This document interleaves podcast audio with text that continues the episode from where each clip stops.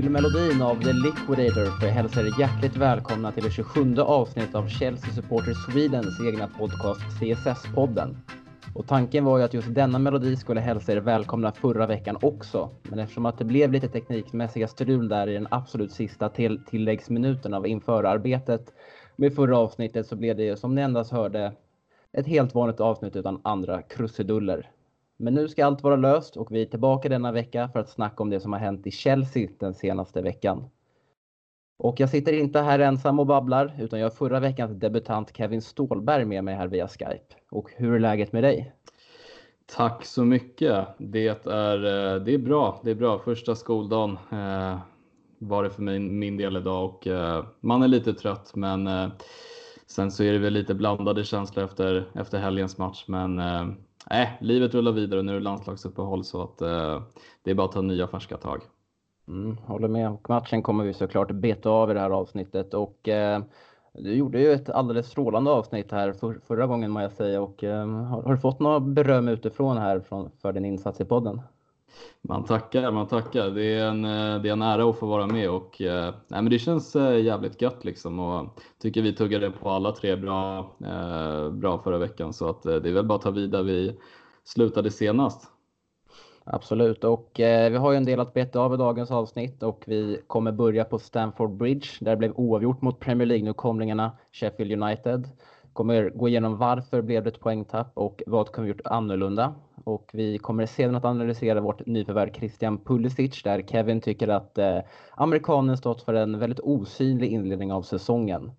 Vi kommer såklart även att syna Champions League-lottningen och vad vi kan förvänta oss utav den och vad har vi för chanser att gå vidare. Alla lag kommer vi även gå igenom. Skadelistan i truppen växer den med och eh, nu har det även kommit rapporter om att Kovacic skickat hem från Kroatiens landslagssamling efter att ha ådragit sig en skada i träning där. Och vi kommer såklart även ge er skadeläget bland övriga spelare i truppen. Och nu väntar ett landslagsuppehåll och vilka spelare är det som är uttagna? Och hur går det för deras respektive landslag? Och kommer det här uppehållet lägligt? Det är frågorna vi ställer oss själva innan vi kommer att beta av de frågor som ni har ställt i vår Facebookgrupp. Nu kör vi!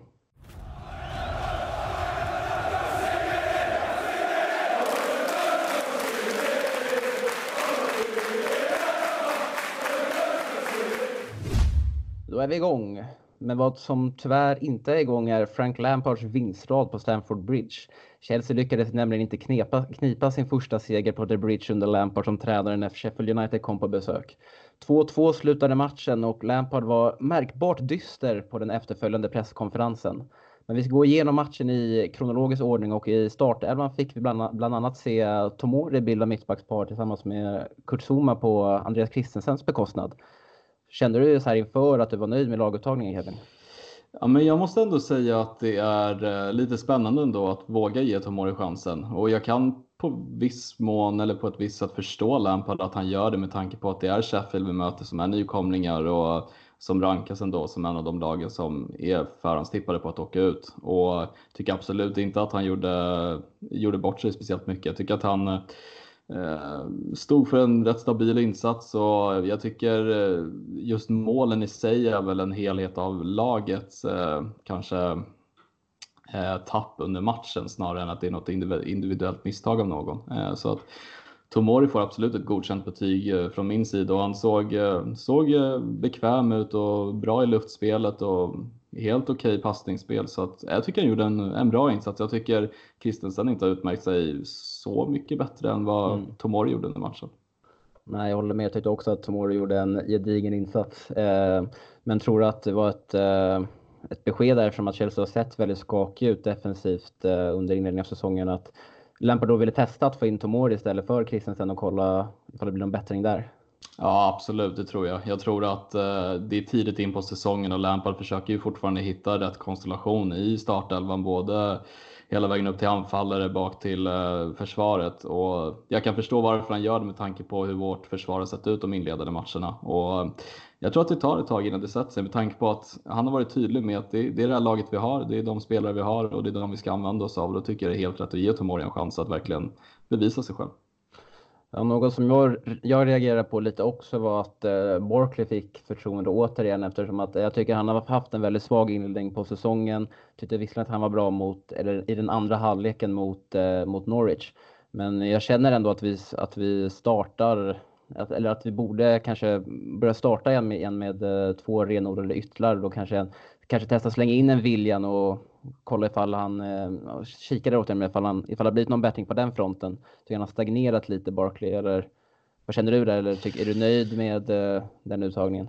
Eh, nej men jag håller faktiskt helt med dig. Jag tycker att eh, William borde getts chansen den här matchen. Jag tycker precis som du säger att Barkley har sett väldigt blek ut. Han var väldigt bra under försäsongen, men då ska vi ha i åtanke att vi har mött lag som Bohemians och eh, Kawasaki och eh, andra dylika lag. Och inget illa menat mot dem, men det är ju snäppet sämre än Premier League-lag och det är ganska lätt för spelare att dominera i de matcherna. Och mm, jag tycker precis som du säger att William borde få förtroende ja, antingen nästa match eller väldigt snart för att Barkley har sett väldigt blek ut. Jag håller med också, vi behöver två renodlade, renodlade yttrar som vågar göra sin gubbe. Barkley är mer en, en spelare som söker sig inåt i planen. Så att, eh, jag håller helt med.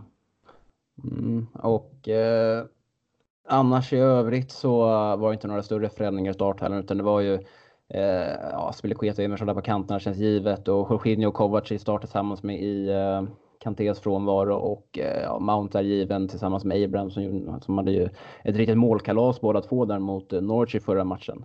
Eh, men om vi ska då ta oss in då och prata om själva matchen då så blev det lite olyckligt 2-2 och eh, men vi gick ändå in där i halvtid med en 2-0 ledning men utan egentligen att imponera då bägge målen kom lite slumpartat enligt mig. Eller vad har du att säga om den första halvleken Kevin? Nej, men jag håller helt med. Eh, sett till spelet så vi dominerade ju bollinnehavet, men precis som du säger så skapar vi inte speciellt mycket utan vi gör två mål som är eh, en instinkt av Abraham att vara på rätt ställe och sätta dit den och eh, det är ju efter ett försvarsmisstag, försvarsmisstag och det tycker jag även eh, båda målen är. Och jag tycker vi, eh, vi var rätt bleka matchen igenom. Eh, även om vi dominerade bollinnehav som sagt och gjorde våra två mål så jag var inte superöverraskad eh, hur andra halvlek gick. Så att, nej, jag håller med där också. Mm, jag tycker också att som du säger, att målen kommer väldigt slump, slumpartat och det känns som att vi stundtals där i första halvleken får, får till ett eget spel. Jag tycker att vi, alltså vi, vi kontrollerar ju ändå matchen bra, det gör vi ju. Men vi får till att få, få till ett eget spel där i, Eh, i anfallet och det känns som att det mesta, alltså det mesta skapas genom att Spelekuetas högerfot som vi har sett väldigt mycket uh, tidigare under säsongen och, uh, och föregående säsonger. Mm. Men, uh, ja, men försvars, försvarsmässigt så tycker jag att det såg stabilt ut och vi har verkligen kontroll på matchen. Mm. Ja, nej, men det, det håller jag helt med om. Och Sett till också när vi pratar om Tomori och hans eh, överraskande start så kan vi se också att han hade flest lyckade passningar, 93 av 98 passningar på planen och det tyder också på att det var en väldigt stabil insats av honom. Eh, och eh, jag tycker i övrigt att vi skapar inte jättemycket första halvlek men vi, vi, är, vi har en effektiv anfallare just nu som är i bra form. Det var därför vi ledde med 2-0. Mm, och eh, han gör ju två mål där som vi tidigare har nämnt och fick äntligen göra mål på, på Stamford Bridge, eller han har inte haft så många, många chanser tidigare då han bara spelat mot eh, Leicester på, på The Bridge. Men hur, hur skönt tror du det var för honom där att få stänka dit de två med tanke på all, eh, ja, på all rasismen han, han ändå fick, eh, fick eh, motta mot, eh, mot Liverpool och nu fick han ändå tysta fansen på, eh, eller tysta kritikerna så att säga, som, har, som, som stod för det här på sin egen arena. Ja, nej, men det är såklart jätteskönt för honom och han visar ännu en gång ett väldigt, väldigt starkt psyke, vilket är väldigt kul att se när det ändå är en så pass ung spelare det handlar om. Och vi vet ju alla eh, vettiga människor liksom vart rasismen, att rasismen inte ska, ska förekomma och det känns väldigt fint för Abrahams skull att han får tysta kritikerna på det sättet han gör det. Och det är inte bara att han gör två mål utan visar återigen att han rör sig väldigt bra på planen, han rör sig på större ytor och han visar sig. Och kommer in med en väldigt fin energi som jag kan tycka saknas lite just nu i laget. Det är Mason Mount och Abraham som har visat i de inledande matcherna mm. den energi som man eftersöker lite och jag kan tycka att det ser rätt trött ut på, på övriga håll. Mm. Eh, jag, håller, jag håller med dig också Abraham. Jag tyckte att det, alltså, om man kollar mot till exempel matchen mot Manchester United tycker jag ändå har växt väldigt mycket, mycket sedan dess. Eh, med tanke på att Eh, I början så kände man att han kom ändå till, till ändå helt okej läge med tanke om man tänker på United, han hade skott i stolpen och så vidare och så vidare. Men eh, det känns som att nu den andra halvleken, eller hela matchen mot Norwich och framförallt den andra halvleken och den här matchen att han ändå ja, fina kombinationer med lagkamrater och kan hålla upp spelet väldigt bra och ser allmänt bara stor och stark ut. Ja, nej, men jag håller helt och hållet med och Eh, jag tycker också att det man kan märka lite i, eh, i det Chelsea som spelar mot Sheffield, att det, det märks att vi är lite skadebenägna just nu. Det, det är en, en Golo Kanté som saknas på mittfältet och det är en Reece James vi vill se i laguppställningen med tanke på Aspelekuetas start och ja, alltså det, man märker att vi, och en spelare som Loftus Cheek får man inte heller glömma och Hudson Odoi och så vidare och så vidare. Men jag tänkte på en som stack ut lite som man hade saknat idag är faktiskt Pedro i mina ögon. För Pedro brukar kunna bidra med mycket energi och bryta lite mönster. Uh, även mm. om man, han kan vara en väldigt ojämn spelare så tycker jag att han kan bidra med det rätt ofta när det väl behövs. Nej, jag håller med. Eh, det blir ju liksom, ja, alltså det blir eh, väldigt centrerat med både Barkley och man på planen när vi inte har den här, vi inte har två riktiga yttrar och där tycker jag att vi, vi, vi släpp, eller vi ställer till det lite för oss. Mm. Eh, men eh, som nämnde där Pedro, Reece James, Loftus Cheek. Vi kommer gå in på skadeläget lite längre in i avsnittet och reda ut när de är tillbaka och så vidare. Eh, någon annan som jag tycker som, som vi ändå avhandlat mycket i podcasten tidigare, som jag tycker sen växer och växer i mina ögon och det är ingen skräll att det är Eh, Jorginho, eh, jag tycker att eh, han eh, alltid, alltså han alltid står för en gedigen arbetsinsats och eh, en, en sekvens här som jag tycker vi fått se mycket oftare nu under den, eh, ja, den senare delen av Jorginho för han inledde, eller han hade en lite, lite skakig period där under förra säsongen. Eh, men eh, ändå passningen som eh, leder fram till Abrahams andra mål att de börjar, alltså, även fast den här är, även fast det är från ett eh, försvarsmisstag av Sheffield så känns det som att de där passningarna, de letar sig fram mer och mer. Mm, nej, men jag håller helt med. Det känns som att han har han har, han har verkligen tagit chansen under Lampards förtroende. Det var ju lite snack om innan säsongen om han skulle eventuellt lämna eller om det bara var en Sarri-spelare. Men han visar ju verkligen att han, han är här för att stanna kvar och han är här för att kriga och jag tycker att han offensivt börjar se väldigt fint, eller fin ut och det egentligen som saknas vid eh, eh vet det, Jorginhos sida det är ju en, en Golo Kanté eller en kanske starkare defensiv mitt, eh, mittfältare bredvid honom. För Eh, Jorginho har all ära för sina passningar och allt, eh, allt vad det innebär. Det är fortfarande Premier League och det är stora starka spelare på mitten och det är ju tyvärr där han kan brista lite ibland men jag tycker han har sett fantastiskt fin ut eh, inledningen av säsongen och visar också att han, är en, han, är, han försöker framstå som en ledare på planen vilket jag uppskattar också. Han pratar mycket med Kepa och styr spelet och uppspelen och sånt och nej, det är väldigt fint att se. Mm, nej. Och sen man har ju sett lite på sociala medier också att han, eh, ja men han har ju lagt ut, han la ut något klipp här i veckan inför matchen där eh, ihopklipp där med hans, hans styrkor i sitt spel. Där han, mm. där han själv hade skrivit eh, captionen Chelseas Jorginho och det är alltid härligt mm. att se. Ja, med tanke på den ändå eh, den eh, anknytningen han hade till Maurizio Sarri, att det var hans pojke som han själv har dementerat liksom. Men ja. eh, Uh, om vi ska ta oss vidare till den andra halvleken. Vi gick mm. ändå in i halvtidspaus där med ett 2-0 och allting kändes frid och fröjd. Men sen hände ju det som uh, verkligen inte fick hända där i den andra halvleken. Och, vad var det egentligen som hände? Ja, gud, det är svårt att sätta fingret på det, men jag kan tycka att till viss mån så känns det som att många spelare är lite trötta eh, och på, till viss mån kan jag tycka också att det saknas en riktig ledare på planen i mitt tycke. Eh, jag kan tycka till exempel att när Sheffield får in 1-2 att det blir väldigt stressat och det blir väldigt liksom, vi slår bort mycket bollar, vi får inte igång något spel. Och det tycker jag är ett tecken som tyder på väldigt mycket att vi inte har en riktig ledare på planen som kan eh, lugna ner spelarna och få igång spelet som vi har haft tidigare och så vidare. Eh, Aspilicueta i all ära är kapten, men jag tycker inte han är den ledare på planen som vi kanske har haft tidigare i Lampard och Terry eller Drogba till exempel. Eh, sen tycker jag också, som jag sa tidigare, att tröttheten tycker jag kan synas lite just nu för att det det var väldigt energifattigt andra halvlek. Vi lät Sheffield ha bollen, vi lät Sheffield komma fram och Eh, de tog ju vara på chanserna. Det är nykomlingar som, som vill visa att de är här för att stanna. Då, då blir man straffade tyvärr och det har vi inte råd med. Nej, och som du säger där, vi saknar ju absolut ledare på planen och eh, Aspilicueta har visat sig att han, enligt mig, att han inte varit någon alls med tanke på, eller jag tycker att han, alltså han fungerar säkert som en utmärkt ledare om man kollar på ja, med relationer med spelare på, på Cobham till exempel. Men på planen så är han ju, tycker jag att han oftast är osynlig när det är alltså under incidenter och han tar ju verkligen aldrig tag i det och eh, idag så, eller i lördag så blir han ju inblandad. Det är ju hans, det är hans kant målen kommer in på den ligger helt fel i positioner och eh, det är liksom, och det tycker jag är det minsta man kan, ändå kan begära av Aspelekueta är att han ska Eh, alltså att vi har alltid vetat att han har varit lite knackig offensivt men försvarsmässigt så har man ändå alltid varit trygg med Aspelekueta där bak och det har man ju sett, man har ju fått sett eh, motsatsen under den här inledningen av säsongen och eh, var väl inne lite på här tidigare att, eh, eller inför avsnittet att eh, alltså Aspelekueta, man har ju kallat honom för Mr, alltså att han är Mr kontinuitet men att mm. han eh, bara blir sämre och sämre. Eh, vilket är tråkigt för det är ändå en person som man uppskattar. Eh, mm. Eller en spelare som man ändå har uppskattat och en person man uppskattar i alla fall fortfarande.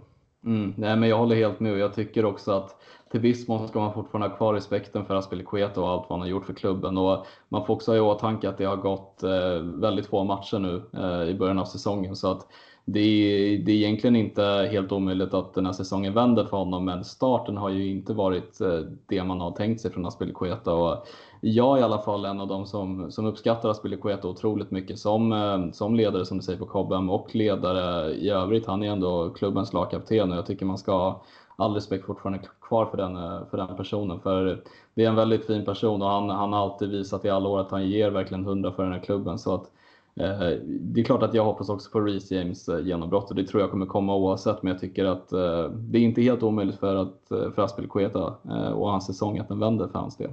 Nej, det är han som måste steppa fram nu med tanke på att det är mycket unga spelare på planen och det är han som är kapten. Men det var lite inne där att eh tempot slogs av från Chelseas sida, att man tappade lite kontroll över matchen.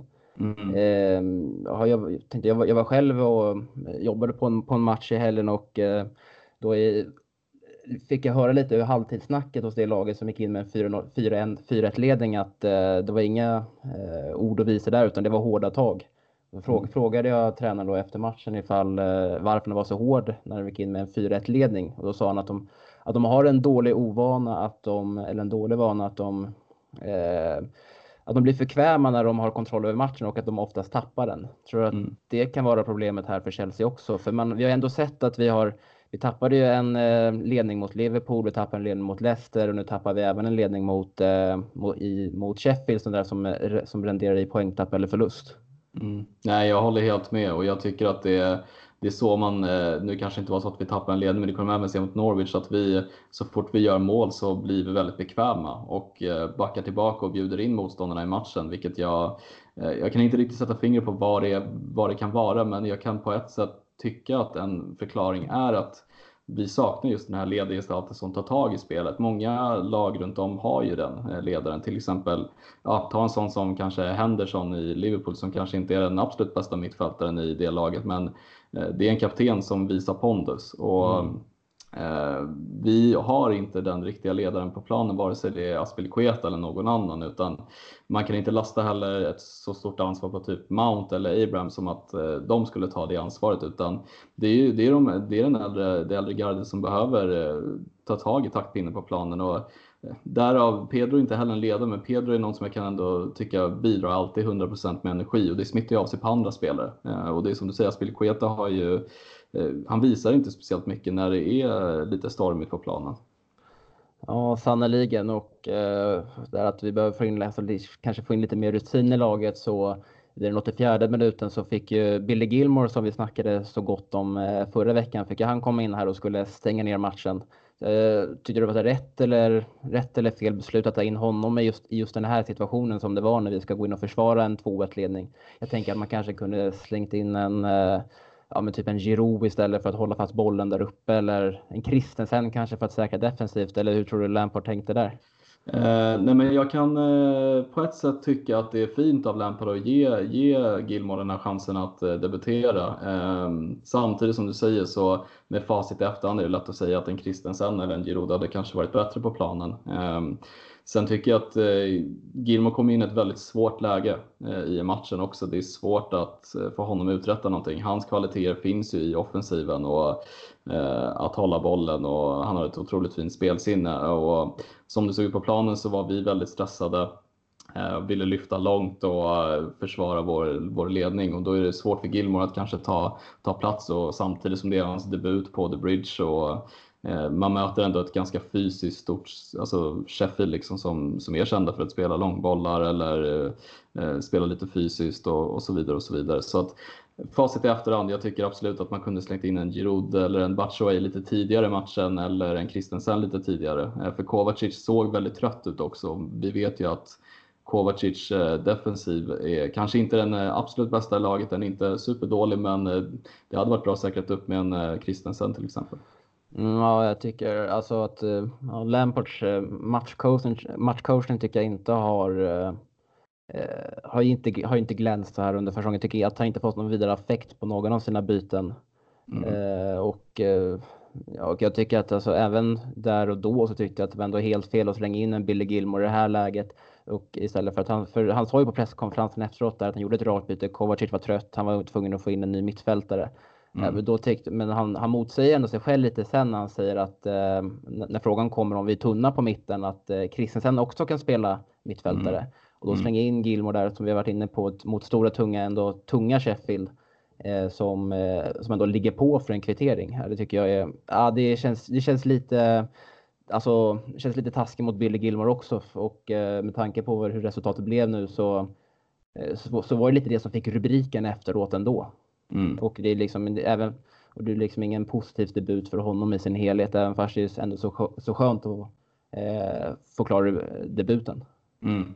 Ja, nej, det är bara att instämma. Eh, jag tycker också att matchcoachning, matchcoachningen i sig inte har varit jätteimponerade. Eh, sen så jag kan ju tycka också att de spelarna som hoppat in har inte heller visat att de, eh, de har inte heller tagit chansen kan jag tycka. Eh, jag ty tycker till exempel, nu gjorde William ett kanske lite, lite bättre eh, inhopp än senast, men William har inte visat någonting egentligen i sina inhopp och sett väldigt loj ut. Så att, jag kan förstå, kan förstå Lampard på, på ett sätt, men jag, precis som du säger, jag är också lite skeptisk till matchcoachningen för Ja, nej, men det ser, det ser lite, ser lite lojt ut faktiskt. Och, eh, jag tror att Lampard har ju bara haft ett år som tränare så att ja, förhoppningsvis så kommer han lära sig det här i, i slutändan.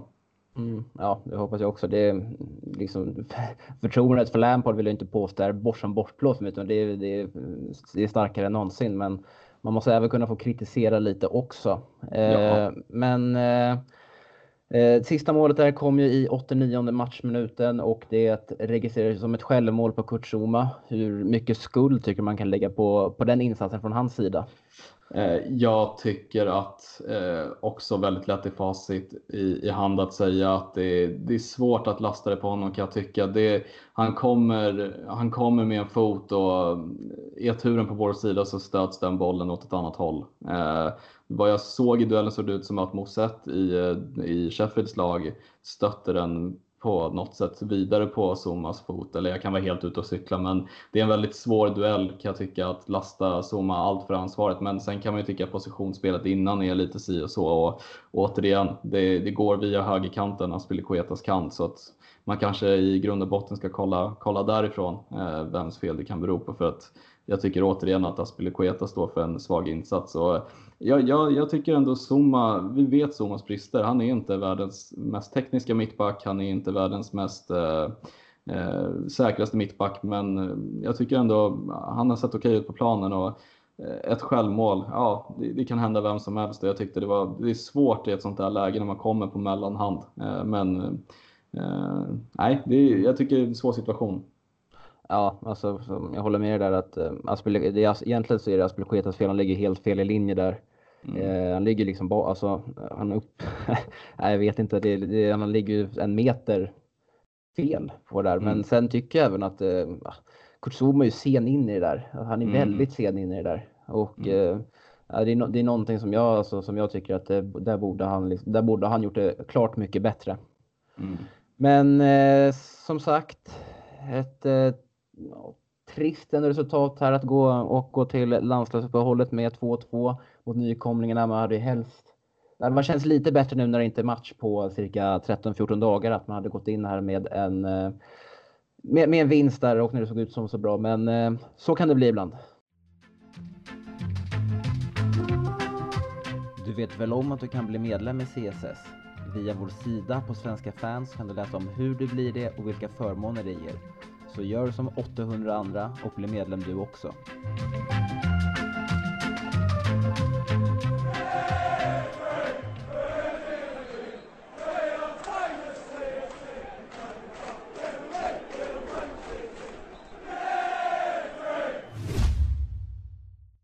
som ni så väl känner till så är Chelsea för tillfället under en transferban och kunde således inte hämta in några nya spelare i sommar.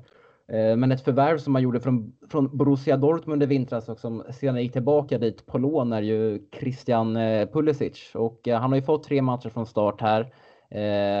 Och ett inhopp där mot United i början. Och ja, det har varit en liten svag inledning på säsongen i alla fall om man frågar dig Kevin.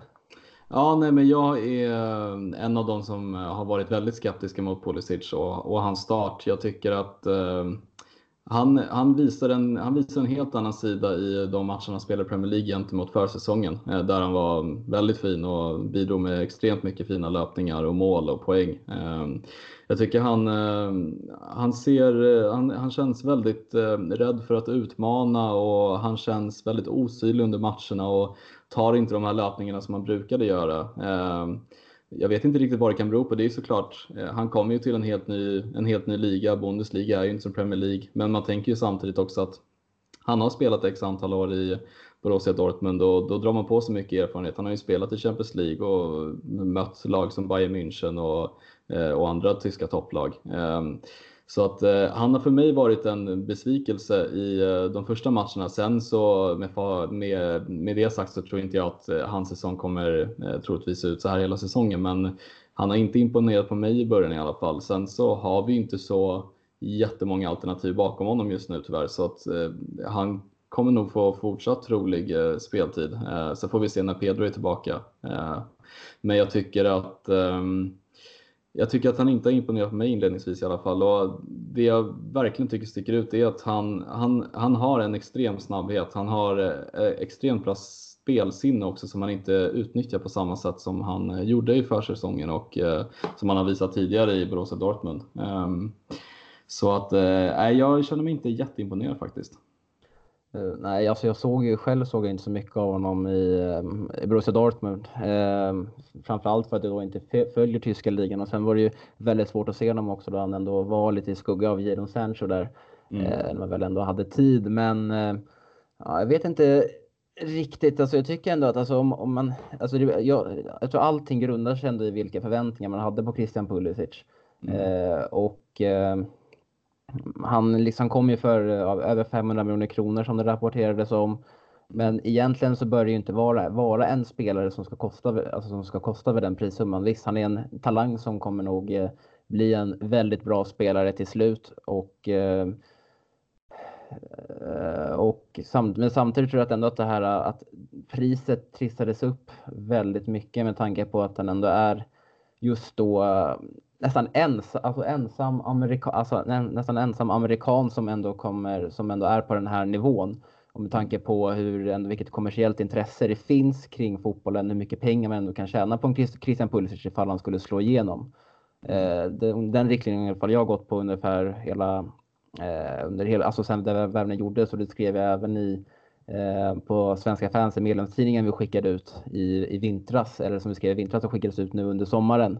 Men eh, som du säger där så har han ju liksom alltså tre matcher från start, spelat 277 minuter och på de här 277 minuterna så har han bara skapat en, en stor målchans. Eh, han har blivit av med bollen öv, överlägset flest gånger eh, i, i dagens Chelsea och eh, det är hela 14 gånger och då, och då blir man får ju lite eh, ja, och det förstår man ändå mycket det med tanke på den som blir tvåa där är ju Mason Mount på på, på, sju, eh, på sju bolltapp. Men eh, alltså, kan man acceptera det med tanke på att han spelar ändå, han, han har ju ändå en sån roll och ändå en sån position i Chelsea. Han ändå bör utmana och att han ändå att det ändå ska vara okej för honom att kunna tappa lite boll ibland. Mm. Ja, nej gud ja, så är det ju verkligen. Han spelar ju den rollen där tanken är att han ska våga utmana sin spelare och göra spelen. Problemet med det är att jag tycker att han inte vågar utmana spelaren. Jag tycker att han eh, går emot spelaren, vänder tillbaka och försöker hitta en lättare passning. Eh, och det är lite det jag kan sakna det är klart att man kan ju alltid jämföra med Azar, hur han var och det är ju en helt annan spelare på en helt annan nivå. Eh, men eh, allting såg också självklart ut för Azar och det är ingen som säger att det ska vara självklart för Pulisic hans första säsong i Chelsea. Men jag tycker att han behöver visa, visa lite mer attityd, våga ta för sig lite mer och våga utmana mycket mer. Och det är absolut inte fel att tappa bollen. Problemet är att jag tycker inte att han har utmanat, utan han har tappat bollen när han väl har blivit stressad, fått press på sig, vänt, vänt tillbaka eller passar någon annan spelare eller passar fel. Eh, och eh, jag, jag följde Borussia Dortmund i de åren innan Sancho eh, tog över platsen för Pulisic. Och det var, det var en helt annan energisk spelare som eh, vågade göra sina motståndare och dök upp som gubben i lådan och satte dit eh, många, många mål och många framspelningar. Och, eh, såklart, det är bara några matcher vi har spelat nu i ligan och jag tror att han kommer utvecklas. Han kommer få eh, kommer få gott om speltid av Lampard. Jag tror att han kommer visa mm. framfötterna, men eh, starten tycker jag inte har varit fantastisk. Eh, och jag tror också att han känner av det och kommer nog tillbaka starkare efter landslagsuppehållet också. Du nämnde Eden Hazard där att, eh, att man är van att se Eden Hazard på den positionen men nu ser man en eh, Christian Pulisic tror att folk... För jag läste lite mycket, läste lite här eh, bara idag och igår att det, det är många som börjar höja ögonbrynen mot Pulisic där att och ifrågasätter om man verkligen håller på den nivån men tror att folk är lite blinda där att blinda eftersom man har sett Eden Hazard springa runt på, på den här kanten i, i sju år och nu står Pulisic där ändå som ändå värvades för den här summan och ändå ska ta över rollen. Gud ja, det tycker jag verkligen. Man ska inte ha förväntningar på att Pulisic ska ta över Assards statistik som han haft tidigare i Chelsea. Det, det, det tror jag att det kommer vara väldigt svårt att fylla överhuvudtaget. Eh, sen om det blir så får framtiden utvisa, men eh, Pulisic dels är han inte exakt som Hazard i, sin, i sitt spel, eh, utan Pulisic är en väldigt rak spelare som eh, utmanar, springer förbi och medan Hazard kunde luckra upp ett försvar själv. Han kunde kombinera väldigt bra med spelare medan mm. Pulisic är en, en, utma en utmanande spelare som tar väldigt smarta löpningar och eh, Eh, det är lite det jag saknar med Pulisic i de första matcherna, för vi har behövt en sån spelare mot Sheffield och mot eh, Norwich för att kunna luckra upp ett, eh, ett lag som står defensivt lågt. Och återigen, vi stirrar oss blinda på att Hazard har varit den spelaren som har luckrat upp försvaren. Pulisic är inte en sån spelare i dagsläget och den vet det kanske aldrig kommer vara någon som ersätter Hazard på det sättet. Men jag hade högre förväntningar ändå på Pulisic måste jag ändå säga. I alla fall de här första inledande matcherna. Mm, ja, det blir hur som helst en spännande spelare att följa här i fortsättningen i Chelsea. Men. Eh, det har blivit dags att blicka lite framåt och i eh, förra veckan så lottades ju grupperna till Champions League där Chelsea gör Ajax, Valencia och Lille sällskap i grupp H. Eh, och jag tänkte att här att vi skulle snacka lite kort om eh, varje lag och jag tänkte att vi börjar med förra årets semifinalister, alltså holländska Ajax. Vad har du läst på om dem? Eh, ja du, det är lite no words needed kan jag tycka på, på det här laget med tanke på, eh, jag tror att de flesta såg Ajax succé förra säsongen i, i Champions League och det var ett lag som vann eh, holländska ligan, kom till semifinal och åkte oturligt ut nog mot, eh, mot Tottenham när Lukas satte in eh, bollen i 94 eller vad det nu var. Eh, det är ett väldigt, väldigt farligt lag. Jag tror att eh, det kommer ju stå mellan Chelsea och Ajax om eh, topplatserna. Ehm, Ehm, och eh, de har, ju, de har ju många farliga spelare kvar. De har ju haft eh, spelare som Delicht och eh, de har, nu har ju Kaspar Dolberg också lämnat för Nice. Eh, det är några duktiga spelare och sen så har de ju fortfarande Neres kvar, de har Ziyech kvar, de har van de Beek kvar, de har Tadic kvar. Det är, det är farliga spelare och de har jag skulle nog säga det som utmärker dem väldigt mycket är att de har en väldigt, väldigt smart tränare eh, som eh, spelar ett väldigt unikt spel kan jag tycka med mycket rörelse och en falsk nia som rör sig fritt och eh, väldigt coolt lag kan jag tycka personligt. Tycker jag är väldigt intressant och vi, vi alla vet ju Ajax ungdomsakademi, det kommer ju fram spelare titt som tätt från den akademin mm. så att äh, är väldigt farliga. Mm. De har ju, de har ju även inlett säsongen väldigt bra där borta i Holland också. Det är ju ingen skräll för det är väl utan tvekan eh, Hollands bästa lag och de har ju vunnit, inlett med tre vinster och en oavgjord och gjort hela 15 mål fram och bara släppt in fyra bakåt. Mm. Och det är spelare som har stuckit ut där som du nämner som Tadic och Ziyech som har stått, på, stått för fyra lag, eller fyra, fyra, fyra mål per skalle. Eh, men det var som imponerade mig när jag, kollar, när jag läste på lite och kollade upp lite kring Ajax här inför var att de endast förlorade två av 18 matcher i Europa förra säsongen. Mm, ja, det är ett väldigt starkt facit och Ajax är ju kända för att vara väldigt duktiga i de europeiska ligorna. Eh, sen så har de ju inte alltid tagit sig hela vägen, men de visade ju förra säsongen med sin, sin generation av unga spelare hur, hur vassa de faktiskt är. Och må så vara att eh, en sån som de har lämnat så tror jag inte att de är mindre farliga för det det här året. Och en liten notis är att Juan Castillo från Chelsea utlånat till deras U23-lag, så det kan ju vara intressant om han skulle norpa en plats i Ajax A-lag. Han ska ju börja i eh, vad heter det? Ajax Jung tror jag de heter, det är reservlaget där. Så att, mm. eh, en liten notis om det också. Ja, vi kan också kort nämna det att de är, de är med, om vi inte redan nämnt det, men de är ju med i Champions League i år som att de såklart då vann holländska ligan förra ja. säsongen, men fick ändå, fick ändå kvala här mot eh, Apoel i playoffet. Eh, och vi kommer gå in efter, vi kommer gå igenom alla lag här och sedan kommer vi då prata lite mer om vad vi har för chanser mot, eh, ja, gå vidare från gruppen och så vidare. Eh, men ett annat lag som vi lottades mot var ju den franska klubben Lille och ehm, det, det, jag tänkte på direkt när det var Lille där, det var ju exakt där Eden Hazard eh, hämtades ifrån sommaren 2012 och eh, vi ställs mot den nu första gången någonsin och då känns det väl lite tråkigt att Eden Hazard inte kommer vara, vara med på planen. Men eh, vad kan du säga om dem? Om Lill? Eh, ja du, de hade ju en otroligt stark eh, förra säsong. De, jag tror att de överraskade många, många, många experter i Frankrike. Eh, de hade ju Niklas Pepe då, som gick till Arsenal till sist nu eh, den här säsongen som stod för 22 mål tror jag. Två, han var tvåa bakom Mbappé i skytteligan och han gjorde ju totalt 74 matcher och 35 mål för Lille och eh, det är otroligt bra för en, eh, för en högerytter som han spelade. Sen som du säger, Eden Hazard ju, eh, har ju haft sin fotbollsfostran där i, i ungdomen och det är ju ett väldigt ungt lag. De har ju en genomsnittsålder på 24,2 år och mm, Eh, det är inte alls ett, eh, en slagposter tror jag, utan det här, kan, det här kan mycket väl vara ett buggeteam i, i gruppen. Jag tror inte att det är så lätt att åka till, till Lille och eh, slå dem. Så att det är ett lag vi får se upp med och de har ju starka unga spelare. De har ju en sån som Ikone som är en offensiv mittfältare som bidrar med mycket assist. De har en turkisk ung talang med, som heter Celik, om jag uttalar det rätt som också är en eftertraktad ung högerback som eh, många, många klubbar runt om i Frankrike har varit nära norpa. Sen har de ju också Vea som är ju eh, son till legendaren, eh, den äldre, som hämtats in från PSG på lån tror jag över säsongen. Som också en ung spelare som visar framfötterna. Ja, en annan värvning som jag reagerade på att de gjorde i somras var ju Renato Sanchez. Du mm. kommer ihåg den säsongen han var utlånad ut, till Swansea och hans prestation på Stamford Bridge där? Ja, det är nog en av de mest bisarra utlåningarna jag faktiskt sett. Eh, det, var, äh, det, det är synd, för jag, jag var ju en av de som blev väldigt förälskade i Sanchez när han dök upp i Portugals landslag och i succén man fick se på olika klipp i Benfica och, och så vidare. Men förhoppningsvis kanske han, äh, inte mot Chelsea hoppas jag att han inte gör bra ifrån sig, men han kanske får, eh, får igång sitt spel igen. Sen också en notis där, vi har ju en gammal Chelsea-anfallare som, som spelar numera i Lille i Loacademy också. Mm.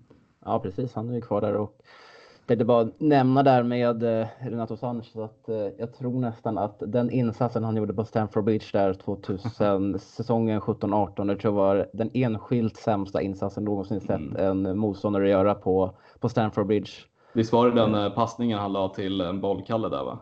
Alltså jag minns inte, jag kommer ihåg att det var, alltså han var ju katastrofal, han blev utbytt i halvlek eller tidigt in på andra. Det var förfärligt men nu kanske han får chans att revanschera sig här, vilket vi inte hoppas att han gör. Men eh, Loic Remy sa, sa där, spelar i Lille. Har du något mm. minne från, han, från hans tid i Chelsea? Oj, det var en, eh, också en liten gubben i lådan-spelare kan jag tycka. Han var, mm, han var ju väldigt bra i Newcastle innan vi värvade honom. Och eh, om det var, om jag minns rätt så var det Newcastle jag tror vi värvade honom ifrån. Och, um, han, han blandade ju och gav i Chelsea. Han var ju tyvärr lite för svag för att vara en ordinarie anfallare i Chelsea. Jag tror att han även var tänkt som tredje eller andra val när han väl kom dit. Och han, han, han skötte den rollen bra. Han fick spela i kupper och gjorde diverse mål och diverse poäng. Och, eh, jag minns ändå honom som en en, en okej okay anfallare som inte utmärkt sig supermycket, mm. men jag har inget ont att säga om honom utan uppskattar att han har rört sig vidare hem till Frankrike och ändå smält in några bollar i Lille, har han gjort. Mm, ja, men ja, främsta jag minns honom i alla fall att vi knäppte han mitt framför näsan på, var det Arsenal eller Liverpool där på någon deadline? Ja, jag tror det var deadline day. Va, tror jag va? Ja, någon av de där var det. Det är alltid skönt när man kan göra det. Ja, men eh, annat om Lille är att de har, de har inlett säsongen ja, precis sådär. De har eh, två vinster, två förluster, varav båda förlusterna har kommit på bortaplan mot ändå lite sämre motstånd som Reims och eh, Amiens. Och jag ursäktar mitt uttal där. Eh, franska är inte min starka sida. Eh, och sen kan vi även nämna lite kort att eh, deras nyförvärvade Viktor Oshimen som var hämtad från belgiska Charleroi har ändå stått, gjort fyra mål på fyra matcher här och eh, ja, det är fyra mål av deras fem mål totalt gjorda. Så han blir väl den som man kanske får se upp lite med också i, i Lille. Men eh, ja, eh, de andra lagen i gruppen har vi aldrig mött i Europasammanhang tidigare. Men Valencia har vi stött på två gånger och det var ju då säsongen 07-08 och eh, 11-12 och då nådde vi, gick vi hela vägen till final bägge gångerna och eh, det får man väl ändå ta med sig och säga att det är ett bra tecken att vi lottat mot dem. Det tycker jag absolut. Eh, och Valencia är också ett lag vi får se upp med. Eh, de har kanske inte haft sina starkaste säsonger de senaste åren, men det är också ett historiskt bra lag som, som, som har haft en stor tid eh, längre tillbaka i tiden och varit alltid hyfsat duktiga i, i Europamästerskap. Och, jag är ju lite, lite förälskad i deras mittfältare Parejo som är en otroligt bra frisparksskytt som man får också se upp med, som har väldigt bra frispark. Sen har de ju Rodrigo Moreno eh, som anfallare som jagas av, eh, jagades av Atletico Madrid. Nu är ju transferfönstret stängt. Eh, som är vad jag förstår som helt ordinarie i det spanska landslaget. Han har startat de senaste landskamperna som, som ensam nia där. Och de har ju också värvat in en annan herre vid namn Maxi Gomes från Celta Vigo som på 35 matcher gjorde 13 mål och 5 assist i ett Celta som nästan åkte ner, Celta Vigo då, som var farligt nära på ner förra året. Så att, eh, också farliga anfallare. Sen har de ju Gonzalo Guedes som är, eh, brukar oftast vara ordinarie i portugisiska landslaget, en väldigt frejdig och snabb ytter. Eh, så att det är inte heller ett lag vi ska bara eh, åka dit och knäppa på näsan utan det är, det är, jag skulle säga att det är tre ganska starka lag i vår grupp. Mm. Ja, jag håller med och eh, framförallt Guedes där, det är verkligen en spelare man får hålla koll på när vi möter eh, Valencia. Men den bilden jag har fått av Valencia under de senaste åren att ända sedan den här, jag kommer inte vilket land han är från, men den här Peter Lim när han kom in och mm. tog över klubben är att han skulle, det var ju då ut, målet, alltså det uttalade målet då att de skulle satsa, verkligen satsa och ta upp kampen där mot eh, Barcelona och Real Madrid. Men det känns ändå som att visst, de har ändå gjort ändå bra säsonger i, i, La Liga ibland och tagit sig till diverse Europaspel. Men Alltså, det, har ändå blivit, det har ändå varit en klubb som jag tycker ändå man bara läser mycket negativt om, mycket mm. kaos och så vidare. Mm. Men, eh, och det tycker jag att man ändå ser när man kollar på, när man går igenom deras lag och man ser liksom spelare som Gamiro, man ser Kondogbia, man ser Sillesen, Coquelin, Paulista. Det är liksom inga spelare som man värvar för att man ska man ska liksom ta nästa kliv eller i sin utveckling, utan det är egentligen spelare som har misslyckats i andra större klubbar som man mm. inte fått någon utdelning för för fem öre. Jag tänker framförallt på de här gamla Arsenal-lirarna, Coquelin och Paulista. Liksom. Det var ju, Coquelin hade ju liksom en, eh, han hade väl en, ett bra halvår i Arsenal innan mm. han började komma ner till sin vanliga nivå igen. Och mm. Paulista minns man ju bäst när han blev utvisad på Stamford Bridge där mot, mot Diego Costa. Mm, och, eh, och tilläggas också, det bästa minnet med Coquelin är ju ändå när Hazard snurrade upp honom när han gjorde det fantastiska solomålet ja, hemma. Ja. Så att, eh, nej men jag håller med och jag tänkte bara inflika också att Peter Lim, jag har för mig att han är från Singapore tror jag att han är. Mm. Och det har ju varit väldigt stökigt mellan han och tränaren Marcelino som eh, de har haft eh, olika syn på vilka spelare de ska in i laget och det har varit väldigt stökigt precis som du säger. De har ju värvat in många liksom vad ska man säga, inte bottenskrap, men det har varit spelare som inte har varit önskade i sina klubbar som de sedan har värvat, typ som Coquelin, Gabriel mm. Paulista och, och sådär. Sen har de ju spetsat till det med Gonzalo Guedes som har ju kommit via Jorge Mendes då, den här superagenten som har värvat dit honom. Så att mm. eh, det är ju verkligen högt och lågt i det där laget, men vem vet, en bra dag så kanske de kan, de kan nog slå de flesta lagen i La Liga i alla fall om de har en bra mm. dag, så vi får se upp. Ja absolut, jag tror inte att man åker till Mestalla där och eh, hämtar dem tre poäng, inte en chans. Så. Men jag, ja, jag såg deras match här mot Real Sociedad här i början. Jag har lovat lite mer själv att jag ska börja följa lite mer spansk fotboll bara generellt och jag tycker inte såg bra ut och sen de andra två matcherna har inte varit bättre, har inte sett så mycket bättre ut heller utan de har inlett, inlett säsongen med en vinst, en eh, oavgjord match och en förlust och bara stått för tre mål framåt. Mm. Eh, men det är hur som helst de lagen vi har lottats emot och eh, ja, vad, vad säger du om den här lottningen? Tycker du att det är en svår, tycker du det är en lätt grupp? Eh, gud, med facit i hand så kan jag ändå tycka att det, det, är en tuff grupp. Jag skulle inte säga att det är dödens grupp, men det är, en, det är en tuff grupp. Och jag tror att, som jag sa tidigare, att det kommer stå mellan Ajax och eh, Chelsea då som, eh, om första platsen. Eh, sen tror jag inte heller att vi ska inte ha förväntningar att vi ska gå och åka till Lille och spela ut Lille och vinna med fem bollar, utan vi kommer få göra väldigt bra insatser både hemma och respektive borta mot, mot alla de här tre lagen. Men jag tror, det, det hade inte varit godkänt för min del om vi inte tar oss vidare från den här gruppen. Eh, för jag räknar också då med att många från skadefronten kommer tillbaka eh, och eh, mm. att vi har lättare att snurra lite på spelarna. Så att jag skulle, om jag får våga tippa så skulle jag ändå säga att Chelsea vinner gruppen. och gör vi inte det så hoppas jag att vi tar oss till en andra plats i alla fall. För jag ser det inte som godkänt om vi inte tar oss vidare i varje fall. Nej. Nej, alltså jag tycker, alltså, jag tycker det är en väldigt spännande grupp. Jag håller med, med det mesta du säger där också, men eh, alltså, jag, jag, är inte så övertygad om att eh, Chelsea, Chelsea kommer att ta hem den här gruppen. Jag är inte ens säker på att vi kommer få avancemang i den här. Alltså, då, alltså ett, det, det är de normala Chelsea där vi ska ligga de tidiga säsongerna och så vidare. Där, det är, då är det en grupp såklart vi ska, vi ska gå, vidare, gå vidare ifrån. Men mm. med tanke på var Chelsea befinner sig nu, visst skadade spelare kan komma in och höja laget ytterligare, men de ska spelas in och eh, det här drar ju igång precis nu när de här ryktas vara tillbaka. Vi möter ju Valencia då, vi inleder då mot Valencia hemma den 17 september och eh, jag tror att vi kommer få det väldigt svårt här i början och eh, hoppas bara att vi får igång det snabbt så att vi så att det inte är helt kört sen när, det, när, vi ändå, när vi ändå kommit igång där och fått igång de eh, skadade spelarna som vi kommer gå in på lite senare in i avsnittet. Men eh, ja, men eh, köper helt det du säger och jag hoppas såklart det. hoppas såklart också på det att vi tar oss vidare som etta, men Ajax och, och Valencia borta, det tror jag att vi. Ja, det, det, det kan bli svårt och sen tror jag även att eh, alltså, de flesta lag kan ju skrälla mot oss utan tvekan. Mm, nej, nej, jag håller helt med. Vi, eh, jag försöker bara hålla förhoppningarna uppe och, och eh, vi får se helt enkelt i slutändan vart vi slutar. Men eh, jag hoppas för säsongen skulle också att vi, vi tar oss vidare från den här gruppen så att vi kan få en eh, hyfsat rolig säsong i, i Europa i alla fall. Och för en gångs skull så, eller för en gångs skull för en gångs skull, men eh, vi kommer nog troligen se som en liten slag på så att eh, de flesta tror att eh, Chelsea är ett kaoslag som, som man kan slå rätt lätt. Så att jag hoppas vi kan slå från det underläget och ta det underläget, för det tror jag gynnar oss. Yes, men det kommer vi få se och det drar som sagt igång där den 17 september då på Stamford Beach då vi tar emot Valencia hemma.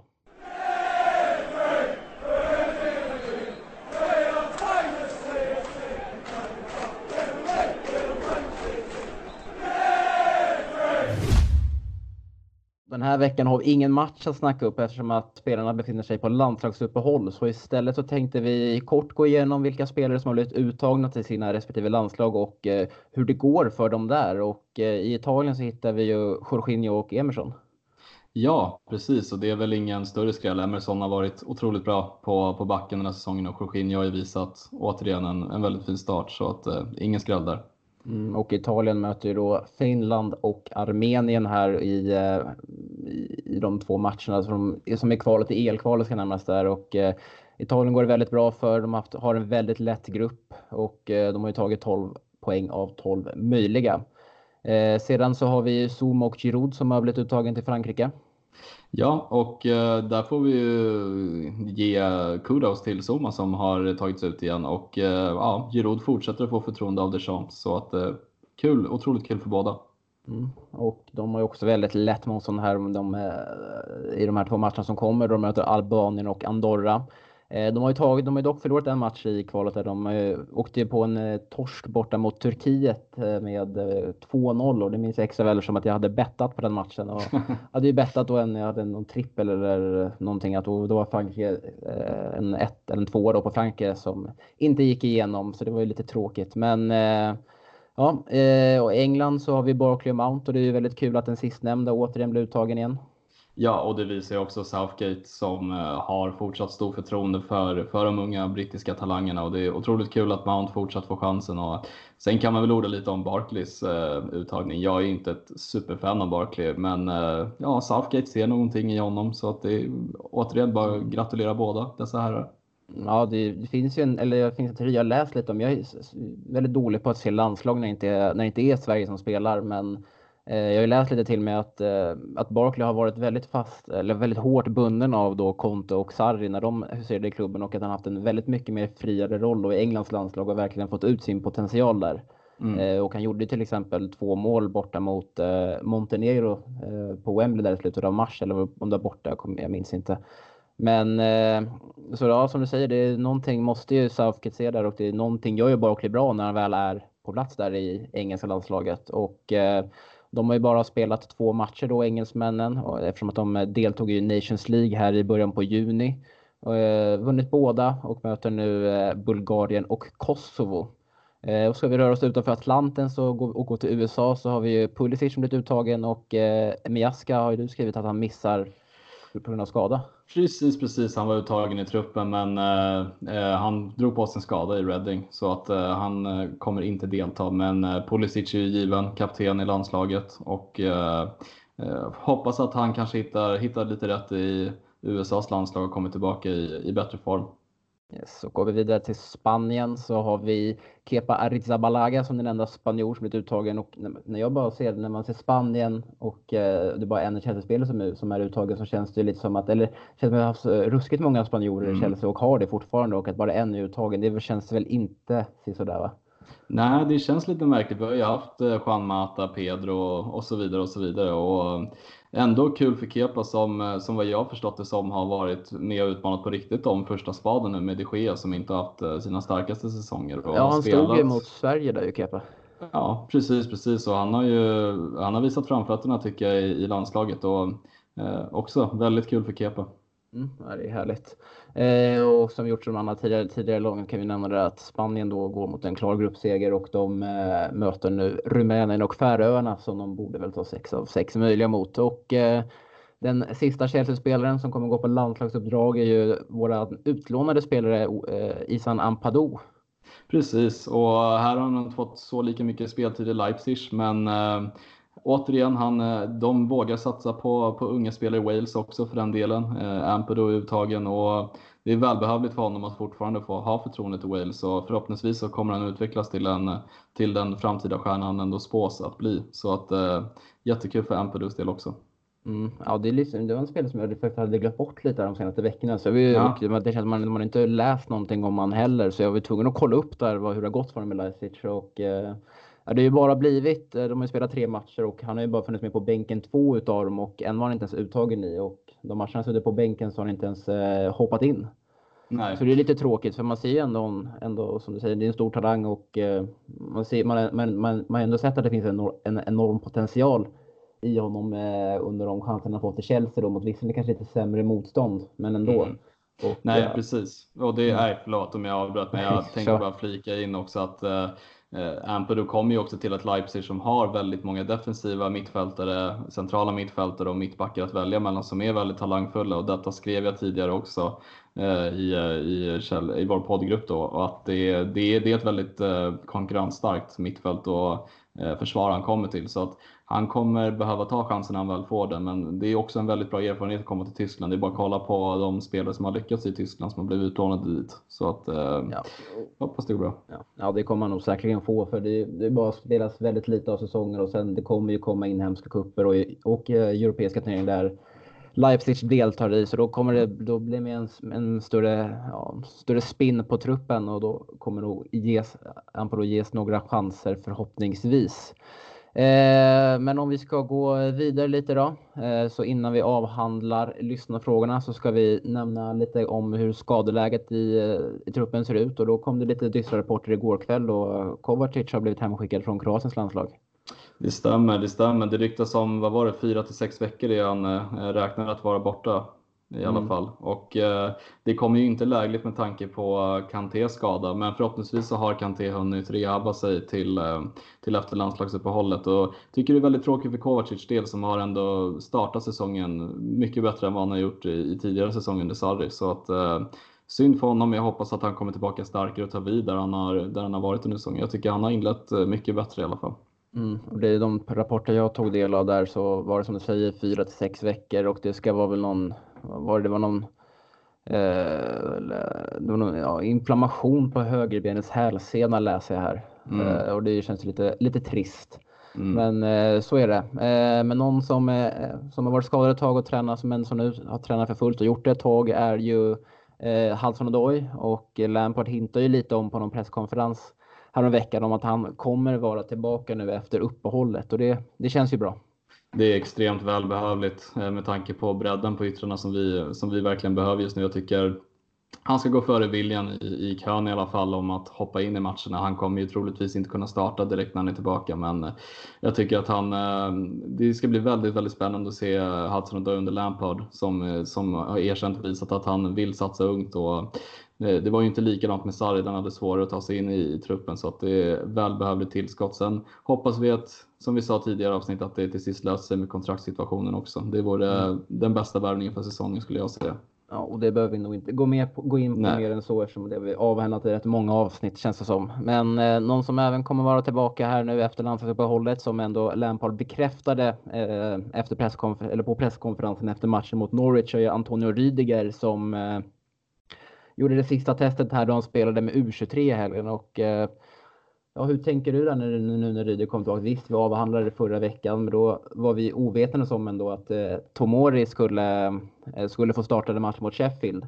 Och mm. eh, visst är känslan då ändå, eller jag fick ändå känslan då att det är Zuma som kommer vara alternativet bredvid, bredvid Rydiger. Ja, det skulle jag nog också våga hålla med om. Jag tycker som jag sa i tidigare avsnitt att Christensen inte har imponerat jättemycket eh, under säsongen och inte på mig heller. Och, eh, om, om Lampard nu väljer att ge Tomori chansen och eh, väljer att sätta Christensen på bänken så tycker jag att det indikerar lite på att det är Zuma och Rydiger som kommer vara första valet. Och någon som är på på väg tillbaka nu också som vi, som vi har eh, suktat länge efter i den här podden är ju Reece James. Eh, ska också vara tillbaka, tillbaka här efter landslagsuppehållet. Dock så kan jag inte hitta några officiella rapporter eller uttalanden från någon i klubben om vilket datum. Men jag hittade ändå på någon sån här hemsida som trackar eh, vidare att han ska vara tillbaka i spel då den 14 september när vi möter Wolves på bortaplan, vilket är vår Chelsea första match här efter landslagsuppehållet. Och det känns ju kul att han är tillbaka. Det, håller, det håller jag verkligen med om och jag tycker att han ska ges en plats i truppen direkt om han är tillräckligt fit eller att Lampard och läkarteamet anser det. Och, eh, Aspilicueta får nog vända sig om några gånger och uh, vara beredd på att James kommer komma och utmana verkligen om den där högerbacksplatsen. Och eh, ja, det är en, ännu en till som kommer tillbaka efter landslagsuppehållet och är då såklart N'Golo Kanté som eh, Lampard också snackade lite om där efter presskonferens, eller på presskonferensen efter matchen att eh, han hade haft samtal där med eh, Deschamps att de hade kommit överens om att lämna honom hemma.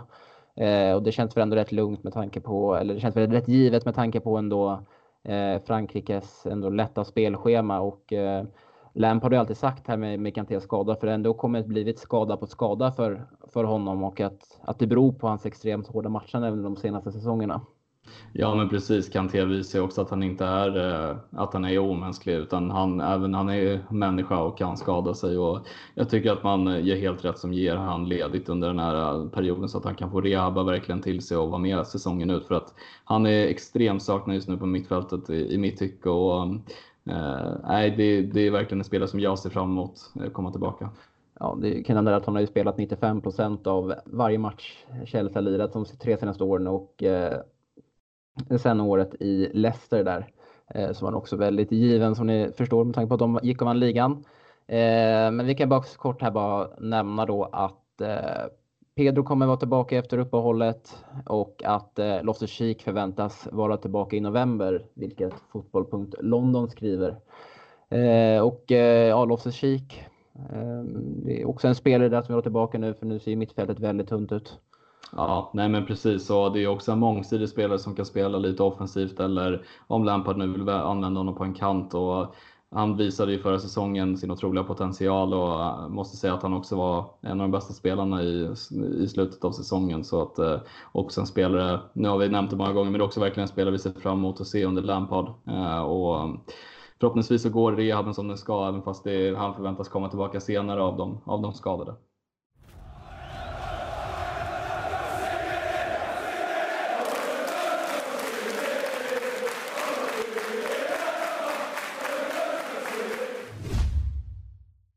Det har som vanligt rasslat in många frågor på våran eh, Facebookgrupp här som vi lägger ut inför avsnittet. Eh, där man kan ställa lite frågor till oss som ni vill att vi ska ta upp under avsnittet. Så är du inte med i den gruppen så heter den CSS-podden på Facebook och det är bara att klicka på gå med där så kommer våran överordnade Daniel Joano att eh, acceptera dig ifall du kan svara på en enkel fråga. Och eh, ja, det har kommit en del frågor och eh, den första som jag tänker på, som har, den som har fått, eh, verkar som att flest undrar över, som att den har fått eh, ett par tummar upp här. Det är, det är Johan Barnhold som undrar om, om det är något nytt som händer med Stanford Bridge. Ja, det är ju en eh, svår fråga att svara på med tanke på hela den här soppan med Abramovic. Eh, vad jag fattar det som och läst så har, det, har inte jag sett några indikationer på att eh, eh, bygget kommer återupptas nu igen eller planerna på att det ska byggas om. Jag vet inte om du har hört någonting? Nej, det, det känns som att det är väldigt mycket på is nu. Det känns som att hade det varit någon, något, eh, något breaking news som, så, så, att säga så skulle man ursäkta, ha tagit del av det. Eh, men man fick ändå lite fina indikationer på att han ändå är engagerad i Chelsea fortfarande med tanke på att eh, han dök upp där på ett av bilder när Chelsea Ladies var i, eh, i Israel där och träningsspelade. Så satt han ju på läktaren där som det är där han befinner sig just nu då i Israel. Mm. Så var han där och hälsade på dem. Och det känns i alla fall då som att han ändå tystade lite de som, som tvivlar då eller ifrågasätter hans engagemang kring klubben. Men eh, som du, ja, som lite inne på, vi kommer nog få veta mer ju eh, när det här med uppehållstillståndet och så vidare är, är färdigt. Så eh, inte några speciella nyheter där.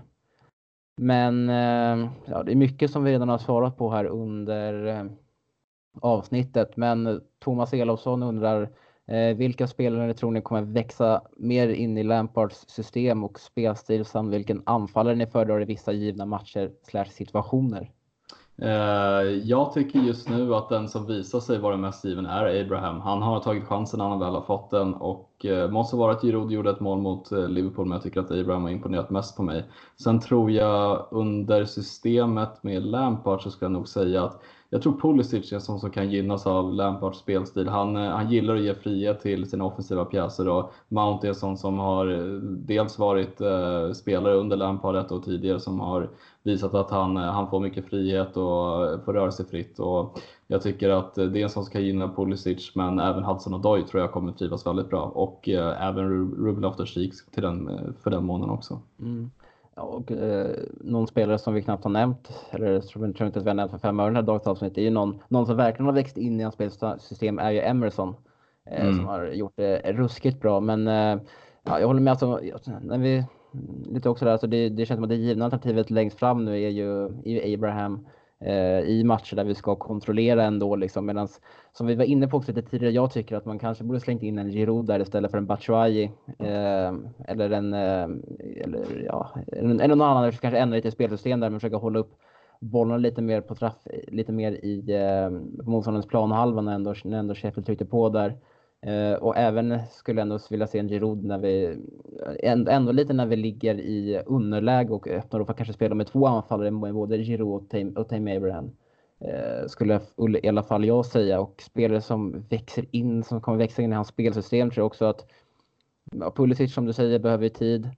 Uh, och sen så jag tror jag liksom att det, det känns ingen spelare som, som man, man, väntar på kommer växa in liksom i hans spel. Utan det känns som att mer att hela kollektivet måste börja fungera.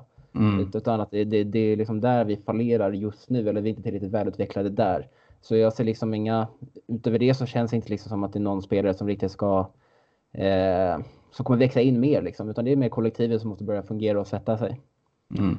Eh, vi har fler frågor här, eh, många som vi har avhandlat, eh, men eh, Ja, en fråga här från Niklas Andersson som jag tycker är lite rolig att diskutera. Är liksom så här, om vi hade fått värvat, eller om vi kommer få värva nu i januari, vilka hade vi helst eh, värvat in och eh, eh vad skrivs det där? Och, eh, om vi skulle ändra till januarifönstret och vilka våra drömvåningar vara när vi spelar matcher. Ja, vi, eh, du, och jag tänkte det passar perfekt till dig också som ändå följer lite mer eh, internationell fotboll än vad jag gör, både lite Spanien, Italien och Tyskland. Om du ser någon spelare där som skulle kunna komma in och förbättra Chelsea i dagsläget? Ja, alltså jag tycker en spelare som sticker ut väldigt mycket är i Jonathan Ta i Bayer Leverkusen som jag tycker är en robust, stor, stark mittback med väldigt bra, väldigt bra fötter som eh, är fortfarande ung. Jag tror att han är 90 96 eller 94 eh, och har varit ordinarie i Hamburg, har varit ordinarie i Bayer Leverkusen i alla säsonger han har deltagit där. Och det, är en, eh, det är en värvning som jag tror också vi behöver göra. Vi, jag tror inte Zuma, Christensen eller Tomori är några världsbackar utan jag tror att Rydiger behöver ett bra komplement och en tysk, eh, en tysk kompanjon hade inte varit helt fel. Um, Sen så möjligtvis, eh, jag skulle föredra kanske en, ehm, eh, ska vi se, om Kepa fortsätter att vara så osäker som han är så kanske man borde se över situationen i framtiden i varje fall. Jag tycker Kepa har all potential i, i världen att bli en eh, världsmålvakt men eh, det är ju, det är ju fortfarande, det har gått eh, snart eh, en säsong och i början av den här säsongen så har han, eh, tycker han visar ändå lite eh, ostabilitet vissa gånger och Premier League är ju en tuff liga och han är inte världens biffigaste och välvuxna eh, målvakt. Så att eh, det kanske sticker ut lite men det är min tanke i alla fall. Mm. Uh, om jag får säga mitt, jag har, jag har varit väldigt förtjust i en spelare under, en, under ett par år här och det är eh, Nabil Fekir faktiskt. Och eh, det känns eh, också som en spelare som, han gick ju till, till Real Betis här nu under sommaren. Eh, och det känns ju, jag vet inte, alltså varje gång jag har sett Nabil Fekir spela så har jag alltid tyckt att han varit ruskigt bra. Och det känns som en spelare som, eh, som, som för mig i alla fall, som är, som, som är väldigt användningsbar på många positioner där framme. Kan både spela 10, kan spela på en kant, kan spela som striker och gör typ lika bra i, eh, i varje positioner. Och eh, fick, det var ju liksom en, en spelare som vi sades vara ute efter. Han var ju nära att titta på för Liverpool. Men ju längre mm. transferfönstret led där så kändes det som att Chelsea ändå hamnade i pole position där att kunna ändå få in en Nabil Fekir där de sista dagarna. Mm. Eh, så det har i alla fall varit en drömvärvning för mig och med tanke på även då hur eh, rådande situation ser ut där uppe så tycker jag att eh, det ska ju, det ska ju föryngras med tanke på att Pedro och William borde, kommer nog och, eller bör och ska slussas ut här nu de, under det kommande året. Och eh, gör han en bra, gör han en väldigt bra säsong i Real Betis här nu eh, så tror jag absolut att han kommer vilja röra, röra på sig mot större, till, till något större. Och som vi sa där, som jag sa så igen verkar han ju inte, lite, så verkar han ju inte främmande för att eh, komma till England med tanke på att han då var så eh, pass nära skrev jag på för Liverpool samt att han ändå Chelsea ändå väl, var ändå i, ryktades väldigt hårt mot honom.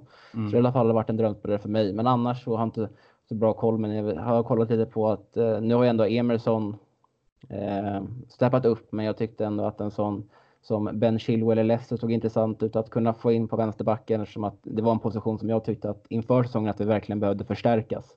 Mm. Eh, och sen får man ju se på den andra sidan också backlinjen om hur Reece James kommer axla det. Eh, så det får vi se. Men eh, det är väl i alla fall de som vi tror och hoppas också men ändå kan vara lite realistiska. Ja, nej men precis. Och sen så känner jag, det är ju svårt att säga en spelare på rak arm, men jag tycker ju att en, en ledare av något slag skulle behöva inkomma till laget oavsett position. Eh, för jag ser inte i dagens trupp en, en ledare och det hade varit bra med en mittfältsherre som hade kunnat eh, vara den där rösten ut i, på planen och så. Eh, det behöver inte vara just en mittfältare, men en ledare saknar lite jag i truppen. Sen mm. är det ju supersvårt att hitta en sån möjligen, men eh, ja, det är en tanke. Absolut. Eh, och sen så har vi även en fråga av Jonas Frank här som vi kom fram till innan också att vi inte kan svara på. Men det han undrar i alla fall vilka musiker och andra kända personer som har Chelsea som sitt favoritlag bland annat. Och eh, tänkte vi att ifall ni vet någon så eh, droppa gärna en kommentar i eh, i inlägget här där podden läggs ut och eh, tagga in Jonas Frank där så att han får, så han får eh, svar på det han undrar. Mm.